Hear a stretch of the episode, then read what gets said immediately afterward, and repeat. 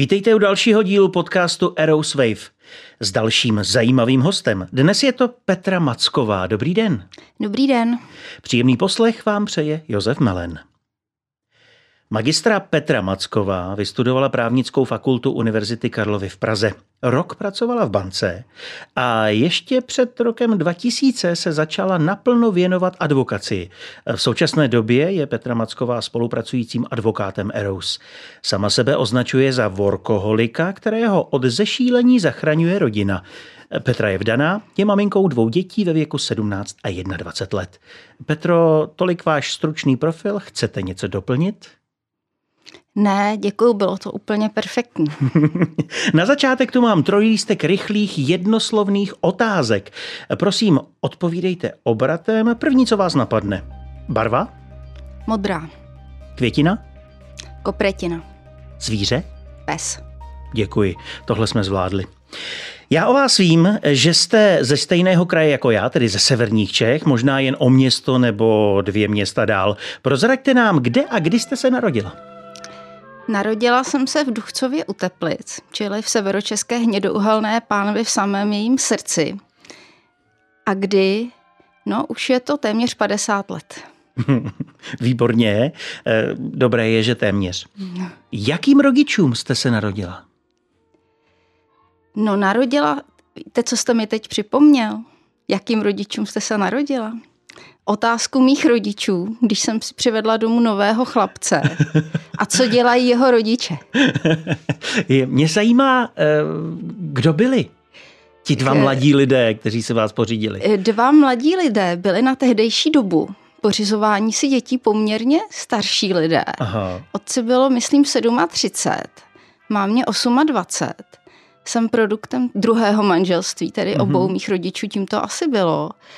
Už byli tím pádem, už věděli, do čeho jdou. Ano, a bylo to přesně tak. A bylo to velmi zajímavé, protože maminka pracovala jako technolog ve sklárně a pocházela z rodiny politického vězně, vězněného v uranových dolech. Mm-hmm. A otec byl naopak řekněme, nadějným komunistickým kádrem, mm-hmm. ale přesto je osud svedl dohromady a vyprodukovali mě. Eh, po kom jste byla vzorná, poslušná holčička se samými jedničkami? Tak to si myslím, že asi po mamince. To si myslím, že po mamince, protože to je taková holčičí vlastnost. Buďme upřímní, že to je prokletí těch holčiček. Ta, mm-hmm. Ano, mě to snaha, nepotkalo. snaha všem vyhovět a, a mm, být co nejlepší ve všem, i když nás to třeba nebaví. To vy kluci máte lepší. E, jaká byla vaše pozice na té základní škole, co by jedničkářky? Byla jste oblíbená? E, my jsme tam byli skoro všichni jedničkáři, protože už na základní školu jsem chodila na výběrovou, tam se mhm, dělaly přijímačky, mm-hmm. už po druhé třídě základní školy takže jsem zapadla velice dobře. Výborně. E, následně tedy jste šla studovat na gymnázium. Kam? Na gymnázium do Teplic, to bylo vlastně pokračování té jazykové třídy z té základní školy, tak jsme všichni bez jakýchkoliv traumat přešli většinově na gymnázium. E, máte nějakou zásadní vzpomínku na gymnázium, na tuhle tu školu? tak bylo to období prvních lásek. Jinak na studium jako takové ne, ono to bylo tenkrát ještě za totality všechno takové konformní. Všichni dělali, co se od nich čekalo, to studium probíhalo tak, jak všechna studia v té době, takže nic, nic zásadního se tam nedělo. Takový klasický běžný Co rok 1989? Život. To jsem byla, myslím, ve třetím ročníku na gymnáziu a to už jsme byli vzhledem k absenci vysokých škol v okresním městě těmi nositeli té revoluce, do, jak to padalo z Prahy do krajských měst a pak do okresních právě na ty gymnazisty, tak to si pamatuju, jak jsme roznášeli nějaké letáky a lepili jsme to různě, jak za náma v úctivé vzdálenosti jelo nějaké policejní auto, ale nikdy nám nic neudělali, takže žádné dizidentství se teda nekonalo. Já to měl stejně, taky jsem gymnazista, i když v Litoměřicích, také jsme něco roznášeli a, a byť jsem o trochu mladší, tak e, nás ale profesoři zamykali ve třídách, aby jsme nechodili kam nemáme. Aha, tak to vidíte, tak to ty si zpětně uvědomu, že nás nezamykali a naopak jako bych řekla, že jsme v tom byli podporováni, protože mý spolužáci chlapci už rok předtím přišli slučení do třídy jelikož se účastnili nějaké demonstrace na ochranu životního prostředí. No tak ono to Takže... shodou okolností v Teplicích tak nějak začalo, že? Ano. Všechno. Ale to bychom se dostali příliš do historie, dnes už vlastně do dějepisu. Eh, my jsme tady ale kvůli vám, protože mě eh, víc než ta profesní část zajímá ta vaše lidská část. A proto jsem se vydal tímhle směrem. Další moje otázka je, když jste začala přemýšlet o právech, Eh, kdo za to může? Tak eh, za to může zcela nepochybně můj starší bratr, který je taky právník. A řekl mi se, gradi na práva, tam se dobře vdáš. O, Takže... a, a povedlo se to? Ne. Musela jsem se dobře eh, vdát na ČVUT. Aha. Řeknete mi o tom něco víc? Je to takové příliš otazníků najednou a všechny nás to hrozně zajímá. No tak od začátku na práva většinou jako ta poslušná holčička, co měla ty jedničky, eh, tak eh, těch voleb bylo několik, ale řekla jsem si tak chemie nebo fyzika asi ne. Mm-hmm. Bratr byl na těch právech, vypadal spokojeně, tak jako vysmátě, až bych řekla většinou. No a když ještě jsem dostala tu radu výbornou životní, jak se dobře vdám za toho právníka, jak jsem říkala, proč ne? No a ne, že bych to neskoušela, ale nakonec to nějak s těmi právníky nikdy nedopadlo. A vzhledem k mým technickým schopnostem jsem nakonec dospěla k závěru, že asi bude lepší to v tom partnerském životě trochu nakombinovat s nějakými více technickými schopnosti a nějakou životní zručností a to mi přišlo že na těch technických školách asi najdu spíš. No. Mm, I když... vy, jste, vy jste teda praktická žena, řekl bych. Samozřejmě s velkou nadsázkou. Ve skutečnosti to bylo tak, že jsme prostě jezdili s holkama z hvězdy, z kolejí, na diskotéky na Strahov, což prostě jsou koleje ČVUT. No jasně, ale na Strahov je to vždycky žilo, tam, tam je to daný. Eh, jaké máte záliby? Tak především je to sport. Pokouším se aktivně, ale přiznám se, že hodně i pasivně. Proběhne málo ženských tenisových zápasů na světové úrovni s českými tenistkami, abych nevěděla, jak dopadly. A samozřejmě vždycky mám k tomu spoustu úžasných doporučení, jak by to mělo vypadat lépe, ta hra. Takže jako trenér u televize jsem jako hodně dobrá. No. A ten tenis se snažím i praktikovat. Tam teda bohužel poznávám, že ty moje rady úplně není tak jednoduché realizovat. Počkejte, vy máte dokonce několik vítězství třeba v tenise nebo dokonce v gymnastice. No a to jsem byla ale malá. No a to nevadí. No. Jednou vítěz, pořád vítěz. Ano. Není malých vítězství. No. To jsme dělali takovou tu sportovní gymnastiku, se tomu říkalo. Aha. Že nelezete na kladinu, ale třeba na lavičkách děláte a tak. Jsou Aha. takový ty lehčí disciplíny. No, Vidíte to? Je masivní sport. Ale je tam úspěch, je tam úspěch. Masový sport. Je, no, ano, ano. Na úrovni okresního přeboru. Určitě oblíbený seriál pro všechny okresní přebor, tak já znám tenisový okresní přebor. Tak eh, proč ne? Přece jenom eh, cesta z Duchcova do Teplic, z Teplic do Prahy. Teď už jste v Praze nějakou dobu? Nějakých ano, 30, 30 let. let. Měnila byste? Určitě ne. Já jsem od začátku věděla, to je zajímavé, jak ta poslušná holčička, která v podstatě plní ty instrukce, přece jenom něco ví, že chce jinak, už od malička. A já jsem věděla, že nechci žít v té severočeské hnědouhelné pánvi, že chci pryč. Dokonce rodiče mi e, říkali potom, že když jsem se vrátila z chalupy, protože jsme naštěstí měli chalupu v Brdech, kde přece jenom občas bylo něco zeleného, tak po návratu domů, že jsem jim utíkala, nechtěla jsem ani chodit po chodníku a tak. Takže, eh, takže já jsem ráda, že jsem opustila severočeský kraj. Do Prahy to byla volba, protože, ne protože by to tady bylo až tak zelené, ale že mně přišlo, že to tady žije. Samozřejmě vystudovat ty práva, to se tady musí, pokud nechcete do Brna nebo jinam. Takže, takže jsem ráda, ale přiznám se, že při první příležitosti jsme se přistěhovali za Prahu právě do té zeleně. Jasně, aby tam bylo trochu přírody. To je potřeba. Eh, hlavně mm, já o vás vím, že také máte ráda zvěř, je to tak? Ano. Trochu turistiku. Ano. Takže to nějak jako spolu souvisí. Máte Určitě. domácího mazlíčka? Určitě máme domácí mazlíčky, máme psa a kočku. Ano. Eh, Pes je úžasný, kočka je potvora, přesně tak, jak to má Jak to má být, no, takže Mají takový ten pořádku. love and hate relationship, to znamená, že pes miluje a, a kočka je prostě potvora.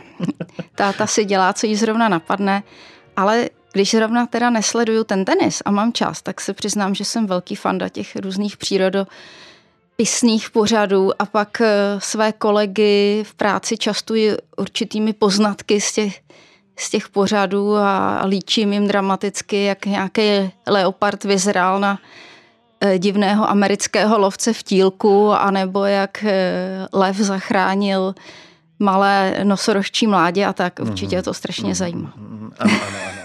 To když eh, třeba krokodýl čapne eh, tygra a on se potom ubrání a tak. To, Jo. to, to máme podobně, to je, No, to je fajn. no. Ovšem, já jsem tady našel jednu takovou eh, zmínku, cituji.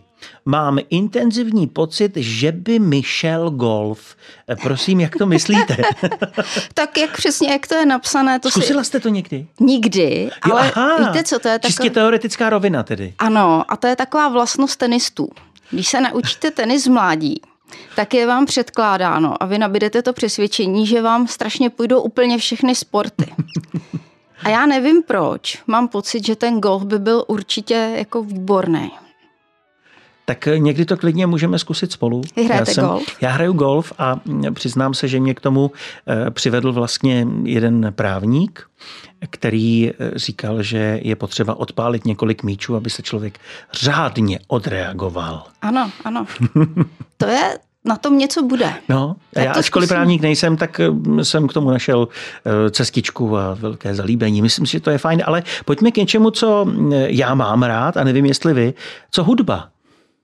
hudba, tak tam se přiznám, že jsem naprosto nenáročný konzument. Jediné, co požaduji, aby to mělo melodii. No tak to jste velmi náročný konzument v tom případě. A hlavně tady jako mám napsáno Queen, ABBA, Beatles. To nejste nenáročný konzument. To, to, to má tu melodii. No. No právě. Takže písničky. Takže, takže písničky, klasika, eh, když poslouchám rádio v autě, což prakticky nedělám, aby byl chvilku klid, tak jsem se přistihla, že tam mám naladěno nějaké rádio klasik, něco, co Mhm, pouští vážnou hudbu a zjistila jsem, že jsem si to ani nevšimla a v pohodě. Takže vám to nevadí. takže, takže vlastně jako, Kulisa je to v dobrá. pořádku, kulisa dobrá. Když jsme u té hudby, zajímá mě, tančíte? Tančím velmi málo. Taneční mám za sebou. Asi jsem při nich malinko trpěla. Nemyslím si, že jsem na to nějaký výrazný talent, tak se tomu vyhýbám spíš. Uhum, uhum. Hostem podcastu Eros Wave je Petra Macková, dlouhodobě spolupracující advokát Eros.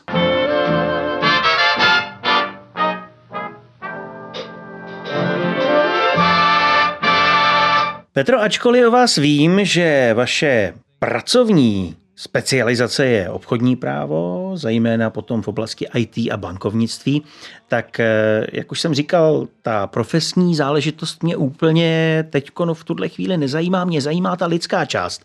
Eh, To vaše já, takové to mm, specializace vaší eh, osobnosti.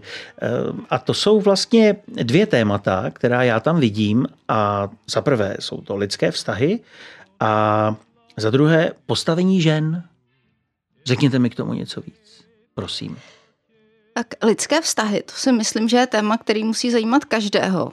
Ženy především. A jak člověk stárne, tak získává takový nadhled a čím dál tím víc ho baví.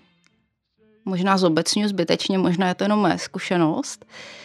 Eh, Se nad tím zamýšlet, eh, jak lidi k sobě nacházejí cestu, co je určujícím faktorem, že spolu dva lidi vydrží a někteří, že spolu nevydrží, proč je někdo v kolektivu oblíben a někdo méně oblíben, jestli i v tomhle směru těch nejbližších lidských vztahů existuje nějaký společenský diktát, nebo jestli skutečně si můžeme dovolit, že se každý řídí čistě svým srdcem, jestli partnera, kterého zvolíte někdy i na celý život, jestli si ho berete, protože ho potkáte v určitou dobu, protože zrovna společnost říká, teď seš v době, kdyby se směl vdát, oženit. Měl být děti a tak a dál, a tak dál. Přesně tak. tak mě napadá, koukala jsem specializace IT, proč neděláte rodinné právo? to je zase, zase osud, protože když vy studujete v té Praze a chcete začít někde pracovat, tak musíte někde bydlet. A to ideálně za nějaký plat, který, který to zaplatí. A v mém případě se stalo to, že kombinace těchto faktorů bydlení a plat, který to zaplatí, nastal v bance. Byť jsem předtím tedy se věnovala trestnímu právu. Uh-huh. Já myslela, že budu soudit ty, ty zločince. Uh-huh. Nikoli obhajovat. Ne, ne. Já jsem chtěla soudit. Já obhajovat zločince, samozřejmě, teď jsem advokát. Ono pak zjistíte, že když máte profesionální odstup, že to jde. Uh-huh. Ale i tak, když tak sleduju to zpravodajství televizní a ty kauzy, tak se přiznám, že jsou kriminálníci, vedle kterých bych se ukazovat nechtěla. Které uh-huh. bych obhajovat nechtěla. Takže jsem vlastně nakonec ráda, že mě osud a životní potřeba zavály k tomu biznesu. Eh, ještě pojďme k těm ženám. Postavení žen? No tak to je velké téma. Protože byť uh, pracuju samozřejmě s velmi sofistikovanými klienty, kteří deklarují, jak mohou, že bojují za rovnoprávnost žen a tak dále, tak na té denodenní úrovni neustále ty stereotypy se objevují. Jo. I v mém případě, kdy jsem eh, věkem i pracovní zkušeností velmi seniorní, tak se mi velmi stává, že, že narážím na takové ty uh, nepěkné ukazy typu mansplaining. Nevím, jestli určitě jste slyšel. Uh-huh. Že to, co řekne žena, slyšeno není, když to za pět minut úplně to samé po ní řekne muž, který to ani nevymyslel, ale jenom vyslechl, tak uh, je mu tleskáno, je tomu teprve uh, přisuzován nějaký význam a tak dále. Je to i v oblasti odměňování samozřejmě, je to i o sebevědomí, které je zase dáno nějakou výchovou. Už jsme byli u poslušné holčičky a proti tomu stojí ten stereotyp chlapce rebela, který jako je fajn, že když je rebel a dělá to, co ho baví a to, co chce. Takže, takže to, je, to je velké téma, je to hlavně denodenní téma. Myslíte si, že byste tohle osobní téma dokázala do budoucna propojit e, i s tou profesní částí? Na té denní bázi se to snažím propojovat. Já jsem velký fanda žen e, při práci. Uh-huh. Takže je-li to jenom trochu přijatelné a není to zase takové až příliš feministické, tak se snažím mm, ty ženy, kolegyně, interní klientky u velkých klientů pouzbuzovat a oceňovat jejich vstupy, jak si nahrazovat to sebevědomí, které tam chybí. A přiznám se, že i někdy snažím se to držet tedy jako zpátky, ale mezích. někdy mezích, ale někdy si i šťouchnu do těch mužských kolegů, kde to ego často přesáhne kvalitu třeba jejich vstupů. Já, jak říkám, nahlížím do vašeho já, nikoli toho profesního, ale lidského. A tak mě napadá, jak to máte vy se vztahem ke klientovi nebo ke klientce? Eh, jak moc jste tím eh, právníkem a vlastně někým, kdo má nějakou ochranou bariéru a jak moc jste třeba psycholog, případně kamarád, kamarádka, přítel? Dá se to vůbec? Dá se, je to případ od případů. Čím jsem starší, tím víc přecházím od té čisté právničiny eh, k těm dalším rovinám toho vztahu. Ono je to dáno i tím, že jsem kdysi vystudovala i mediaci, to znamená, že jsem i mediátor a došlo mi až tehdy, jak je ta, řekněme, psychologická a vztahová rovina důležitá i v těch pracovních věcech a to ku podivu i v business věcech člověk taky, jak stárne, tak eh, možná dochází k větší rovnováze, nemá takový problém se otevřít, naučí se lidí ptát a ku podivu, když máte klienta třeba biznisového, tak ono mu vůbec nevadí, když se ho prvních pár minut toho rozhovoru ptáte na jeho biznis a nemusíte na něj vůbec začít chrlit okamžitě právní rady, notabene, když ještě ani nevíte, co pořádně potřebuje. Takže ty, jak se říká teď hezky česky, ty soft skills vidím jako velmi důležité, i když stále ještě chci věřit, že ty hard skills, to znamená něco umět té své práci, je pořád důležitější. E, osobně jste někdy vy sama potřebovala radu právníka nebo um, vůbec právníka, vy jako člověk? No je, je. Já když něco, něčemu nerozumím a neumím to, tak se, tak se obracím na příslušného právníka, protože vím, co všechno nevím. To je prokletí právníků. A taky jsem líná a nemám na to čas, abych si řešila své kauzy ve věcech, kterým nerozumím. A důvěřujete svému právníkovi? Jednoznačně, já si vybírám ty, které znám. Mm-hmm. A pak jsem hrozně poslušný klient. Takže je to v podstatě mm, takové srovnání toho, eh, co sám prožívám, tudíž to také poskytuji. Ano. Je to tak? Eh, jaké jsou vaše sny a přání? A teď zase eh, dejme právníka, advokáta stranou, ale tu lidskost, prosím. Tak pokud jde o, o kvalitu toho života, tak tam bych určitě potřebovala ještě větší rovnováhu mezi pracovním a osobním životem, to znamená víc času na to odpočívání, víc času na to přírodu, víc času na ta zvířátka, víc času trávit víkendy někde, někde mimo. No a ta největší přání, ta se týkají té rodiny, to znamená udržet pohodový vztah s manželem, vychovat děti, i když je jim 17 a 21. Já zrovna chci říct, úvodu, jako děti. Tak ono je to pořád materiál ke zpracování, to, to jako je. A zbavíte se jich, až když vydělávají, což ještě ani jedno, obě studujou. Takže zbavit se v dobrém těch dětí. No a teď v poslední době i dobře se postarat o rodiče, protože ty stárnou. Já jsem říkal na začátku, že, že už mě rodiče měli na tehdejší dobu v poměrně pokročilém věku. A už eh, s tím stářím teda jsou spojeny Tak jste nějaké... uprostřed, to znamená, máte ty starosti na obě tak, strany. Tak.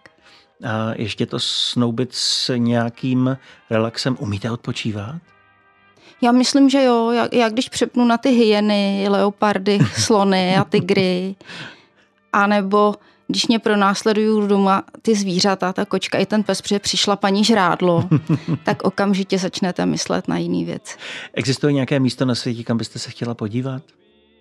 Třeba už od dětství máte nějakou, nějaký takový sen? Určitě. Austrálie. Mm-hmm.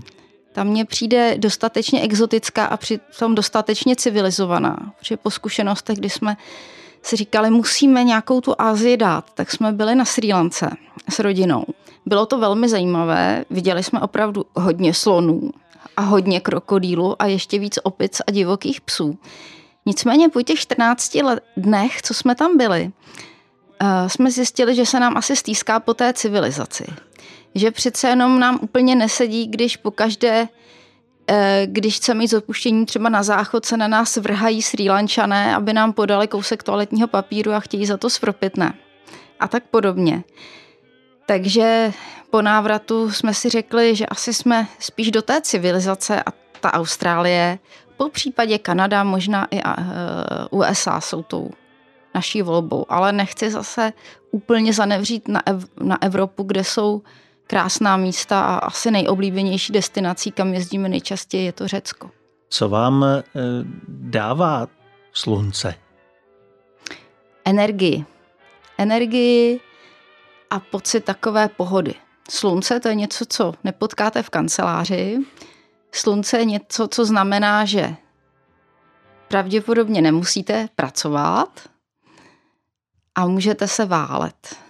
A taky je vám teplo. Asi vám většina žen řekne, že jim je většinou zima. Tak na slunci je nám teplo. A to je potřeba pro život. To je potřeba. Eh, mám takovou věc, která se zcela jistě týká i vašich rodičů. Myslím si, že máte rodiče té generace, která, když si dva lidé věřili, třeba váš tatínek s někým dalším, tak si stačilo takzvaně podat ruku. Čestné slovo podání ruky. Myslíte, že něco takového funguje i v tomhle tisíciletí? Myslím, že to funguje, když potkáte ty správné lidi. Ale protože těch lidí asi není tolik, tak je problém s tou vírou. Že vy, i když potkáte toho člověka... Bojíte se věřit. Tak, přesně. Stačilo by tu ruku podat, ale už, a to je ten společenský diktát a vaše zkušenost, vám velí. Mě znám spoustu lidí, se kterými je záhodno mít sepsáno úplně všechno. V tom právnickém povolání to pak generuje spoustu práce, někdo je možná za to rád, že místo smlouvy na tři stránky má deset. Má deset nebo dvacet nebo i čtyřicet, ale nemyslím si, že to je správně. Uzavřela jste někdy vy sama s někým eh, dohodu nebo eh, nějakou smlouvu, eh, která by byla ukončená podáním ruky? Určitě ano, ale na konkrétní případ si nespomenu. To zřejmě byly takové ty spíš běžné denní záležitosti v těch velkých. Ale ano, ano, ano. Jo? Nějaké, myslím, že nějaké finanční transakce byly jenom takhle. A dopadlo to dobře? Dopadlo to vždycky dobře. Eh, co vás v poslední době nejvíce potěšilo? Je divná doba, se, já to vím, že, že, se, je to zvláštní otázka. Já vím, že vy říkáte, že se zajímáte o tu lidskou část, ale vlastně největší pozitivní události poslední doby je, že jsem začala pracovat v Eros. Říkáte dlouhodobě spolupracující advokát, je název té funkce, ale ve skutečnosti je to teď od začátku nového roku. Mm-hmm. A tam najednou, protože předtím jsem se pohybovala v korporátních vodách, tak jsem zjistila, kolik i mladých lidí, kteří chtějí pracovat, mají energii, chtějí dělat věci dobře, ještě na světě je, že existují i menší kolektivy s nějakým tahem na branku. Takže pro mě Rose v tomto smyslu opravdu potěšující. Cítím z vás, že máte ten život na vahách, pakliže funguje ta jedna věc, tak vlastně funguje i ta druhá. Určitě. I ta práce, i to soukromí že jedno bez druhého tak úplně nejde. Byste asi nemohla být žena v domácnosti jen tak.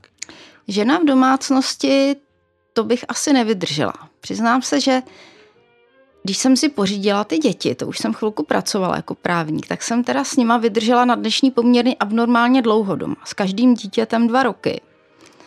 Moje kolegyně právničky většinou dávají od několika měsíců do půl roku. Ale po těch dvou letech s každým z nich jsem měla pocit, že ještě jednou, ještě jeden takový den, ještě jedno pískoviště, ještě jeden kočárek tlačený do tělocvičny na nějaký kroužek a bude to můj konec. Teď eh, bych eh, našim posluchačům přál vidět vaše oči, že když vzpomínáte právě na, tohle, na tahle období, kdy už si říkáte, že ani den, tak se vám trochu změnil výraz. Mám na závěr otázku, která se týká, pokud nějaké máte, vašeho životního mota. Asi se vrátím hodně do dětství, je to moto, které mi předal můj táta. Vždycky říkal, bohužel nedokážu říct, čí je to citát, ale říkal, nikdy nenatrháš z nebe hvězd a přesto věř, že natrháš.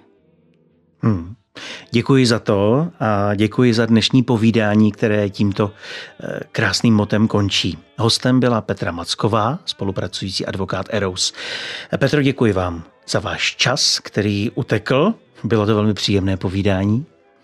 Eh, od mikrofonu se pro tuto chvíli loučí a na další díl podcastu Aeroswave se těší Josef Melen. Naschledanou.